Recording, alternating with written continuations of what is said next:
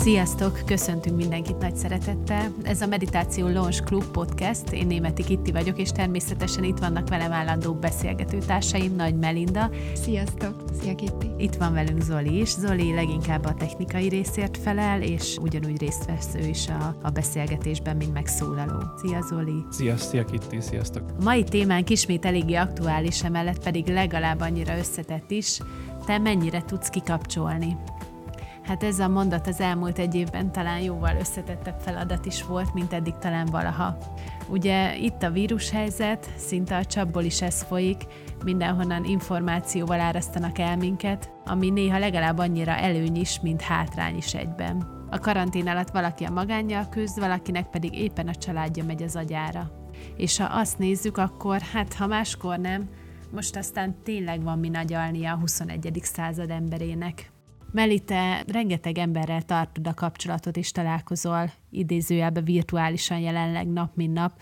Mit tapasztalsz ebből a helyzetből? Hogy érzik most magukat az emberek? Igen, én is most a konzultációkon, amiket szoktam tartani, elemzéseknél, hogy beszélgetek az emberekkel, nagyon sokszor felmerül, hogy olyan, egyszerűen olyan mentális terhelésnek vagyunk kitéve, ugye, ahogy te is mondtad, a csapból is egyfolytában mindenhonnan az, az zúdul ránk, hogy szörnyű hely a világ. És ugye az van, hogy egyszerűen már nem tudjuk eldönteni, hogy mi a valós és akkor ilyenkor felmerül a kérdés, hogy hogy hozzunk döntést? Hogy hozzunk jó döntést információk nélkül? És ez egy ilyen óriási terhelést tesz az emberekre. És ugye itt már eljutottunk egyből a, a mai beszélgetésnek a témájához is, ami a túlgondolás. Én tényleg, én is azt tapasztalom, és ezt pontosan tudom, hogy a terápiás munkában a pszichológusoknál is egy nagyon gyakori eset, hogy a, az emberek nem tudnak lelassulni. Olyan sok akadály, meg nehézség van, amit meg kell oldani, azaz vég, gondolkozunk a megoldáson, és ez egy óriási csapda. Ugyanis amikor elkezdünk túrázni a gondolatokon, és belesüllyedünk a problémába, úgyhogy újra és újra végig gondoljuk a problémát, az egyáltalán nem egyenlő a probléma megoldással. Elindul egy problémán való rágódás. És ez nem ugyanaz, mint az egészséges önreflexió amikor végig gondoljuk, hogy mit tehetnénk jobba, jobban az életünkben egy bizonyos helyzetbe. Ez egyáltalán nem ugyanaz, amiről beszélek. És itt belekerülünk egy ördögi körbe, hogy a túlgondolás az egy állandó feszültséghez vezet. Viszont aki állandó feszültségben van, az elkezd gondolkozni azon, hogy hogyan jöjjön ki a helyzetből. Tehát a feszültség, a stressz, a szorongás, az magával hozza azt a késztetést, hogy egyfolytában agyalok és belekerülök egy ilyen lefelé mutató spirálba. Azért nagyon nehéz megtalálni, tehát hogy hol van ez a határ, ahol túl gondolom, és hol van az, ahol még egészségesen úgymond rágódom a dolgokon, és keresem a megoldást. Vagy mik a jelek, vagy hogy vegyem észre magam.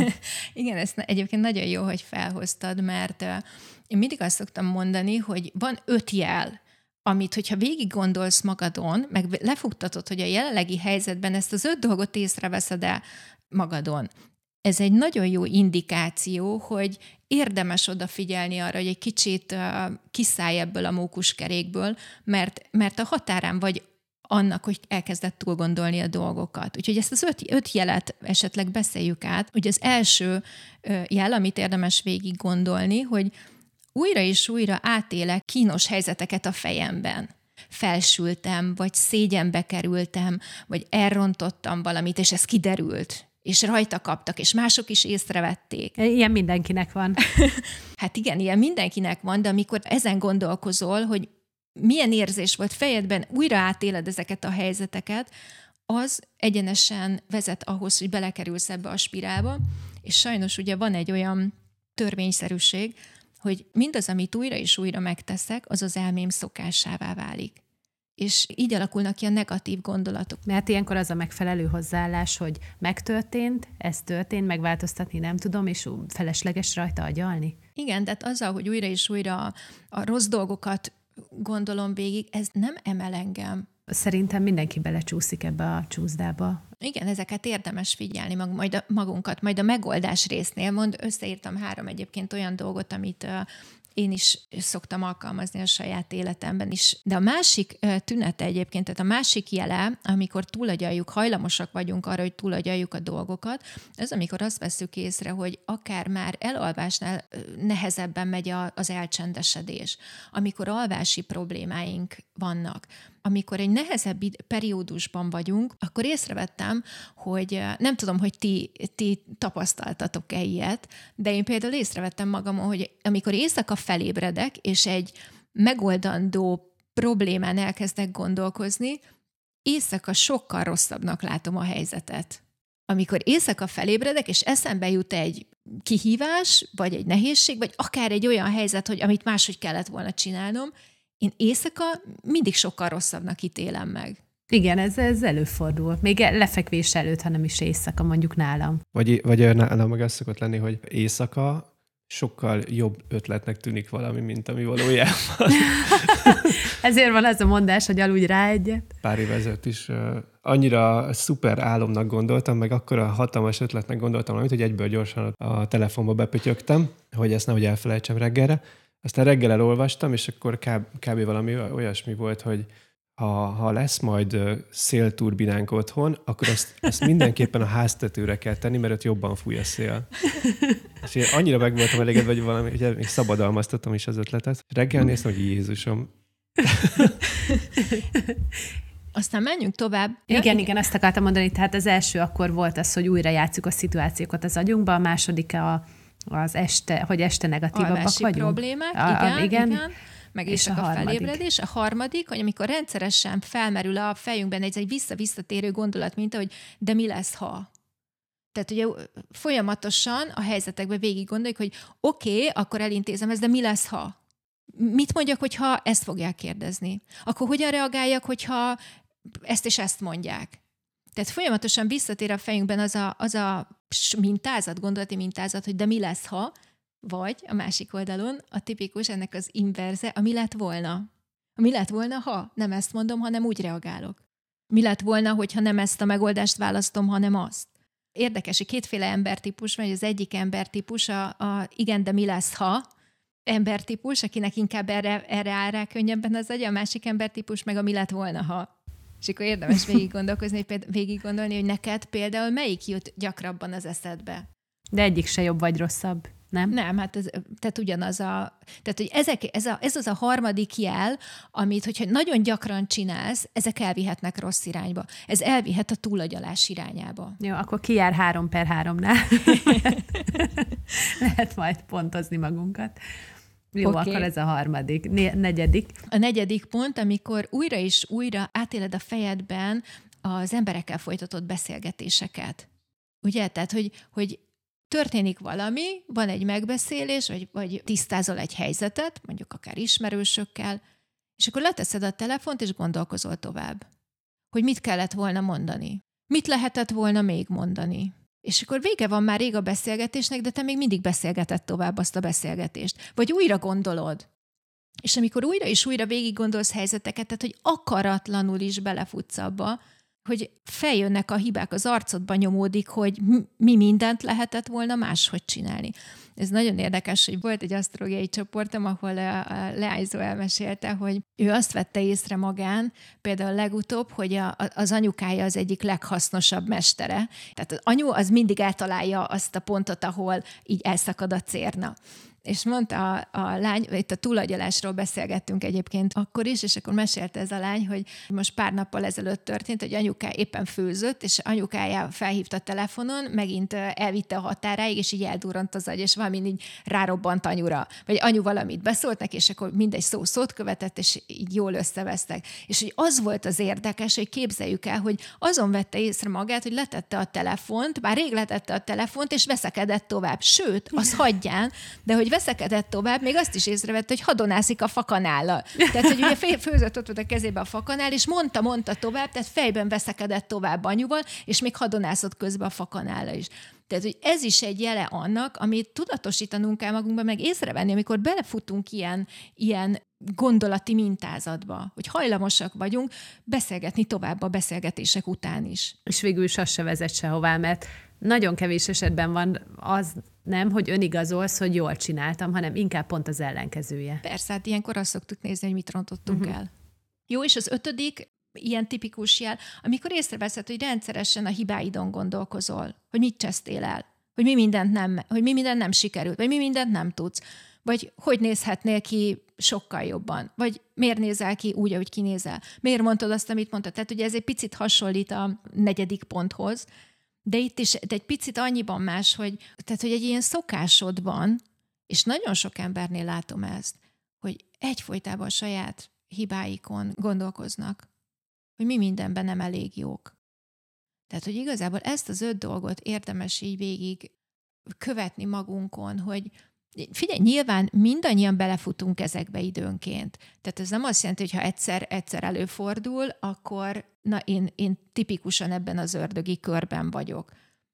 De hogyha ezek gyakran előfordulnak, és elkezded figyelni magad, és mostantól ugye már tudatos vagy erre, hogyha elkezded megfigyelni magad, és így, így azon kapod magad, hogy, hogy nagyon-nagyon sokszor belefutsz ezekbe, akkor azért érdemes elgondolkozni azon, hogy a legnagyobb problémák, amikben benne vagy, nem lehet, hogy egy, egy kicsit ilyen túlmagyarázás is van benne. Mert tehát, hogy ez igazából egy ilyen poklot tud csinálni az embernek, amikor a saját gondolataitól nem tud szabadulni. Amikor egyfolytában csak a problémákon agyalunk, és nem tudunk szabadulni tőle. Ez megmérgezi a mindennapjainkat. De mondjuk a, a problémák megoldásához azért el kell gondolkoznom rajta a magán a problémán, meg tényleg az egészséges önismerethez, vagy az önértékeléshez azért kell, hogy végig gondoljam a szituációkat. Tehát ez elég ilyen határeset, vagy személyfüggő, hogy ki mennyit gondolkozik egy-egy problémám. Igen, azt mondtam, hogy, tehát, hogy mindannyian belefutunk, csak az nem mindegy, hogy milyen mértékben. Tehát, hogy ezt érdemes megfigyelni, hogy a napnak mennyi idejét teszi ki az agyalás, meg a túlagyalás, uh-huh. és ezek, ezt az öt tünetet, ezt hányszor veszed észre magadon a nap folyamán? És akkor csípfülön magad, hogy ho-ho, már megint ezt csinálom. Hát igen, igen. És egyébként, tehát, hogy ahhoz kapcsolatban, amit mondtatok, hogy ugye itt jön be a meditációnak a fontossága, hogy hogyha rendszeresen újra és újra elcsendesíted az elméd, akár négy-öt percre, vagy egy-két percre, kezdjük csak egy-két perccel. Itt nem, nem napi több órás meditációra gondolok. Amikor a gondolatok így meglódulnak, akkor ez olyan, mint mindig azt mondom, hogy ez olyan, mint amikor a számítógépben így összeakadnak a programok, és lefagy a számítógép, és nem tudsz vele dolgozni. És ugyanez a helyzet, hogy amikor így ránk, tehát olyan terhelésnek vagyunk kitéve, hogy összeakadnak a gondolataink, lefagy a rendszer, nem tudunk tisztán gondolkozni.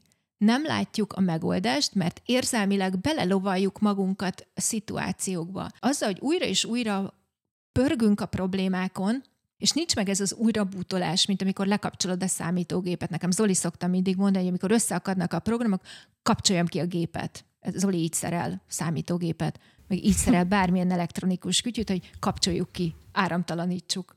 De basszus, működik, mert utána meg, megjavul.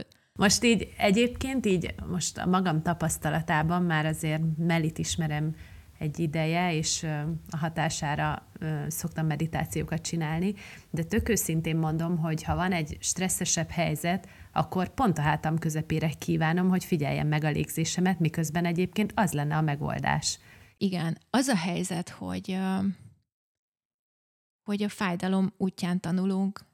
Tudom, hogy ez hülyén hangzik, de most na, elmesélek egy történetet. Tehát az elmúlt hetekben, pár héttel ezelőtt volt egy olyan átmeneti időszak, hogy olyan ö, sok nehézséggel találkoztam, és olyan szinten ö, te, le voltam terhelve, hogy egyszerűen én is beleestem abba, hogy nem tudtam tartani a napi meditációját. És persze pontosan tudom, hogy Swami Véda mit mondott erről, hogyha tartanám a napi meditációkat, akkor nem kerülnék olyan helyzetbe, hogy kicsúszanak a dolgok a kezemből.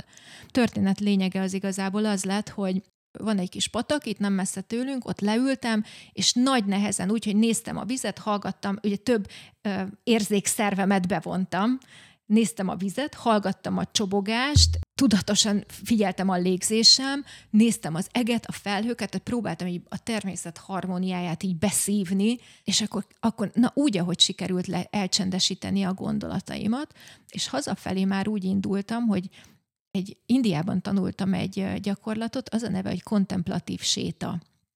És ezt a kontemplatív séta gyakorlatot végeztem, ami abból áll, hogy baromi lassan lépkedsz egymás után. Tehát nem egy lassú séta, hanem a tekintetedet a földre szegezed, a lábadra, iszonyatosan lassan helyezed mindig az egyik lábadat a másik elé. De mondjuk ezt csak akkor lehet csinálni, hogy nem jön senki. Egyébként ja, igen, iszonyú hülyén néz ki. Tehát ezt hozzáteszem. Ezt az asramba meg lehet tenni, Amúgy... mert ilyen kontrollált körülmények között egy be vagyunk kerítve egy asramba, ott ez, ez nem, nem gond. A normafánál lehet oda mennének ja, hozzád, hogy eh, hölgyem, minden rendben? De hogy jönnének, rám hívnák a mentőket. Vagy igen. Szóval az a lényeg, hogy ilyen tehát ez a patak, ahol voltam, itt van egy ilyen kis titkos meditációs hely nem messze tőlünk, így be kell mászni a susnyásba, és ha ezen átverekszem magam, akkor pont egy olyan rész van, hogy, hogy a patak csörgedezik, ketté válik a patak, az egyik uh, folyam egy ilyen zubogó folyamá válik, a másik pedig egy nagyon csendes folyamá, mint a yin és yang. Egyébként Indiában, ahol a Ganges ered, ez pont így ered, hogy van két folyam, és két folyam egyesülése után indul el a Ganges, tehát hivatalosan onnan számít a Ganges, Ganges folyónak, hogy egy nagyon gyors folyású és egy nagyon békés folyású patak találkozik. Ugye ez a yin és a yang egy egyensúlya. Úgyhogy itt a, a patak besegített, a kontemplatív séta besegített, és az volt az a pillanat a, a kontemplatív sétával megspékelve, hogy így visszahozott a jelenbe hú, nagyon-nagyon jó érzés volt. És akkor onnan tudtam már figyelni megint a légzésem. Akkor ez egy fajta ilyen megoldási módszer, de azt mondtad, még hoztál hármat, hogyha így érezzük, hogy... Igen, itt a, igen én, én most a kontemplatív sétát mondtam, ez egy indiai elég erős joga gyakorlat egyébként, Viszont, sőt, a tibeti szerzetesek is csinálják, úgyhogy nem is indiai, hanem tibeti joga gyakorlat. De amit, ami sokkal kézzelfoghatóbb, az például az, hogy amikor túlagyaljuk a dolgokat, vagy szorongunk, félelmeink vannak, az, tehát, hogy az egyik legfontosabb dolog, amit a pszichológusok is ajánlanak például a depressziós tünetekre, ez a sport. Igazából a sport az egy nagyon-nagyon erős gyakorlat arra, hogy így kiüsse az agyadat. Mert ugye mikor sportolsz, és főleg olyan, itt olyan sportokról beszélek, ami fizikai megterheléssel jár. Tehát amikor elkezdesz erőt kifejteni, és tényleg beleteszed az energiát, tehát így a, a szervezet túlélő üzemmódba kapcsol, és ez kiüti az agyadat. Ugye bekapcsol a, a szimpatikus idegrendszer, és ilyenkor túlélő üzemmódba kapcsol a, a szervezet. Erről pont, pont most nem olvastam egy tök jó tanulmányt, hogy például a hideg víz, ugye szaunázás után, amikor belemerülsz egy hideg, a hideg vízbe, vagy egy ilyen hideg dézsába, hogy ez bekapcsolja az idegrendszernek a túlélő üzemmódját, és stresszes embereknek Amerikában mostanában elkezdték, hogy ezt írják fel. Jéghideg víz, jéghideg fürdő. Igen, most ha így belegondolok a szaunázás után, hogyha egy dézsát magadra öntesz, vagy belemész a merülőmedencébe, akkor minden eszedbe jut, csak az nem, hogy mit tudom én, mit mondtam múltkor a főnökömnek. szóval, hogy ott tényleg kikapcsol. Igen. Egyébként uh-huh. a második ilyen megoldás, ez az éberség gyakorlata. Tehát figyelni, éberen figyelni magadat és a gondolataidat. Tudom, hogy Zoli szerint ez a, ez a lehetetlen kategória, hogy az ember folyamatosan figyelje magát, de hogy, tehát, hogy igen, hogy figyeld magad, és amikor rajta kapod magad a negatív és a lehúzó gondolatokon, akkor tudatosíts magadban. És erre egyébként Indiában egy nagyon jó módszert kaptunk, amikor egy csendgyakorlatot végeztünk, ugye az pár napig elcsendesedsz, és pár napig nem szólalsz meg, vagy lehet egy napra, három napra, tíz napra, meg hát vannak hosszabb ilyen csendgyakorlatok is, ez egy nagyon erős spirituális gyakorlat, de az a lényege, hogy amikor, amikor megszűnik a kontaktus a külvilággal, akkor felerősödik a belső dialógus. Ugye nincs dialógus kifelé, tehát a tudatalatti elkezdi felhozni az éppen meg nem oldott dolgokat, te rá tudsz nézni egy más szemszögből, és át tudod dolgozni. Ilyenkor ugye egy nagyobb mentális terhelésnek vagyunk kitéve, mert nem tudjuk megbeszélni a dolgokat, amik feljönnek amit normál esetben kibeszélsz, megbeszéled a barátnőddel, vagy a szobatársaddal, megbeszéljük, ezzel elmegy az energiája, azt a csend alatt nem tudod megbeszélni, ezért egyre hangosabb lesz a fejedben. És erre szokták azt a gyakorlatot adni, hogy naplózzál, vezess naplót, de úgy, hogy három dolgot írjál le minden nap a naplóba. Egy, hogy érzed magad aznap? Érzelmileg, mentálisan. Nem kifejteni, nem így tucsogni az érzelmekbe, nem belemenni, hanem csak pár mondatban megfogalmazni, ránézni kívülről, hogy hogy érzed magad aznap. Kettő, pár mondatban megfogalmazott, hogy fizikailag hogy vagy aznap. Milyen, érz, milyen fizikai érzeteid vannak. Ugye ez azért érdekes, mert a különböző mentális folyamatok és gondolatok előhozhatnak bizonyos testrészekben fájdalmakat, lemehet testi szintre is. Tehát egy nagyon érdekes összefüggés van a kettő között. És a harmadik pont, amit le kellett írni pontosan, hogy milyen vissza-visszatérő gondolati sémák merültek fel aznap. Ezt, amikor benne vagyunk, nem vesszük észre. De hogyha minden nap leírod néhány mondatban, hogy milyen visszatérő gondolataid voltak aznap, és ezt én Indiában ugye megcsináltam, akkor amikor a hétvégén így, vagy az utazás végén így visszaolvastam, akkor szembesültem vele, hogy jé, basszus, én napokon keresztül ugyanazokon a dolgokon pörögtem. Tehát, hogy egy nagyon-nagyon jó rálátást ad arra, hogy mi zajlik így érzelmi szinten benned, és hol vannak a megoldatlan dolgok a személyiségedben. És ez nagyon-nagyon érdekes volt. És a harmadik nagyon fontos dolog az a napi hála.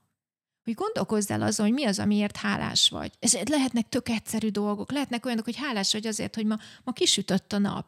Oké, ma, ma például itt nagyon hideg van nálunk, de legalább süt a nap. Tehát, hogy, hogy ilyen, ilyen kis apró dolgok, mert a hála érzése az növeli a boldogságérzetet. Sőt, készültek tanulmányok arról, hogy a, a hála érzése az csökkenti a depresszív gondolatokat. Ennek az a titka, hogy visszaolvasod, vagy átéled? Mivel leírod, ezért át is éled. Igen, hogy elgondolkozol azon, hogy miért vagy hálás.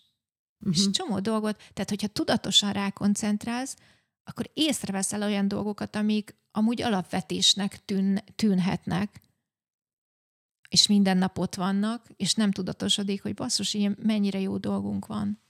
Vagy pici, apró dolgok, hogy süt a nap, hogy egészségesek vagyunk, hogy kapunk levegőt. Hát igen, most, amit elmondtál, gyakorlatilag egyik se kerül semmibe. Szóval igazából bármelyikünk megvalósíthatná. Igen, azzal, hogy ezeket, ezeket tudatosítod, ez boldogsághormonokat kezd el termelni a szervezet tőle. És hát tényleg ezeket a, ezeket a negatív spirálokat egy picit egy, egyensúlyozza, vagy visszahúzza középre. Még meditáljunk egyet? Vagy Jó, egy, én azt gondolom, hogy egy kétperces meditációval egy perces meditációval mit szóltok? Nagyon-nagyon rövid, nagyon Jó. rövid légzésfigyeléses meditációval zárhatjuk, és még előtte azt kérném, hogy ha van olyan, van ö, olyan ötletetek, ö, vagy téma, amiről szeretnétek, hogy beszéljünk, akkor ö, kérlek, kérlek, hogy írjátok meg a meditáció kukac kínaiasztrológia.com e-mail címre, mert ez nekünk egy nagyon jó visszajelzés, hogy ö, olyan témákat hozunk, ami érdekel titeket. És akkor egy gyors légzésfigyeléses meditációval zárunk, úgyhogy ehhez kérlek, hogy helyezkedj el kényelmesen.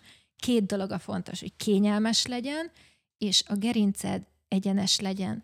Hogyha hátradőlve ülsz egy, nem tudom én, egy, egy karosszéken vagy a kanapén, akkor egy, egy, tényleg egy, egy percre ülj föl, úgyhogy a gerinceddel meg tud nyújtózkodni a plafon felé.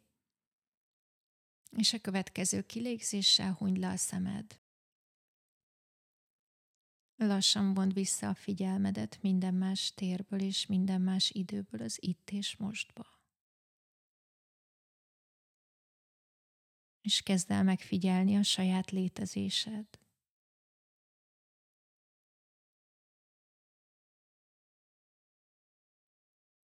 Figyeld meg, ahogy benned valaki egy létező lény megfigyeli a létezését.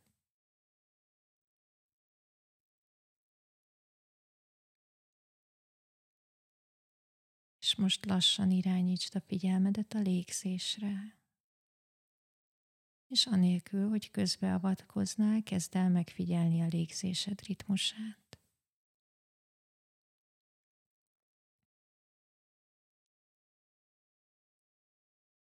Csak a légzés spontán áramlását figyeld.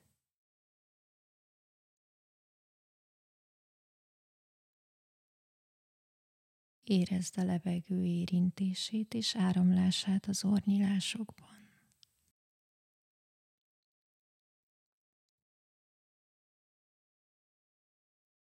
Tudatosítsd azt a pontot, ahol a beáramló, hűvös levegő megérinti az ornyílásokat.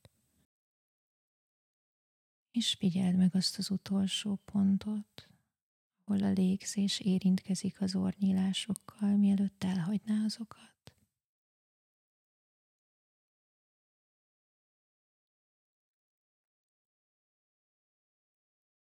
Csak ezt a két pontot figyeld.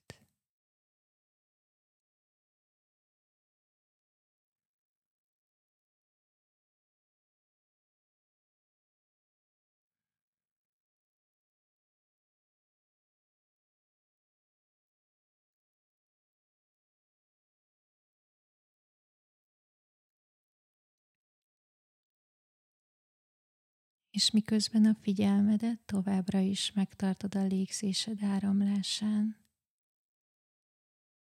nagyon lassan is, hunyorogva nyisd ki a szemeket. Maradj kapcsolatban a légzésed áramlásával, nyitott szemmel is. Om Shanti. Köszönjük szépen, hogy itt voltatok. Köszönjük szépen. Tartsátok meg ezt a belső elcsendesült állapotot a nap hátra lévő részében. Köszönjük, hogy itt voltatok. Ez volt a Meditációs Klub második adása. Mi nagyon örülünk, ha feliratkoztok a csatornánkra, és az egyéb elérhetőségeinket pedig itt a leírásban megtaláljátok. Kettő hét múlva is jövünk, én Németi Kitti voltam, a beszélgető partnereim Nagy Melinda és Nagy Zoli voltak. Mindhármunk nevében nagyon köszönjük a figyelmeteket. Sziasztok! Sziasztok! Sziasztok!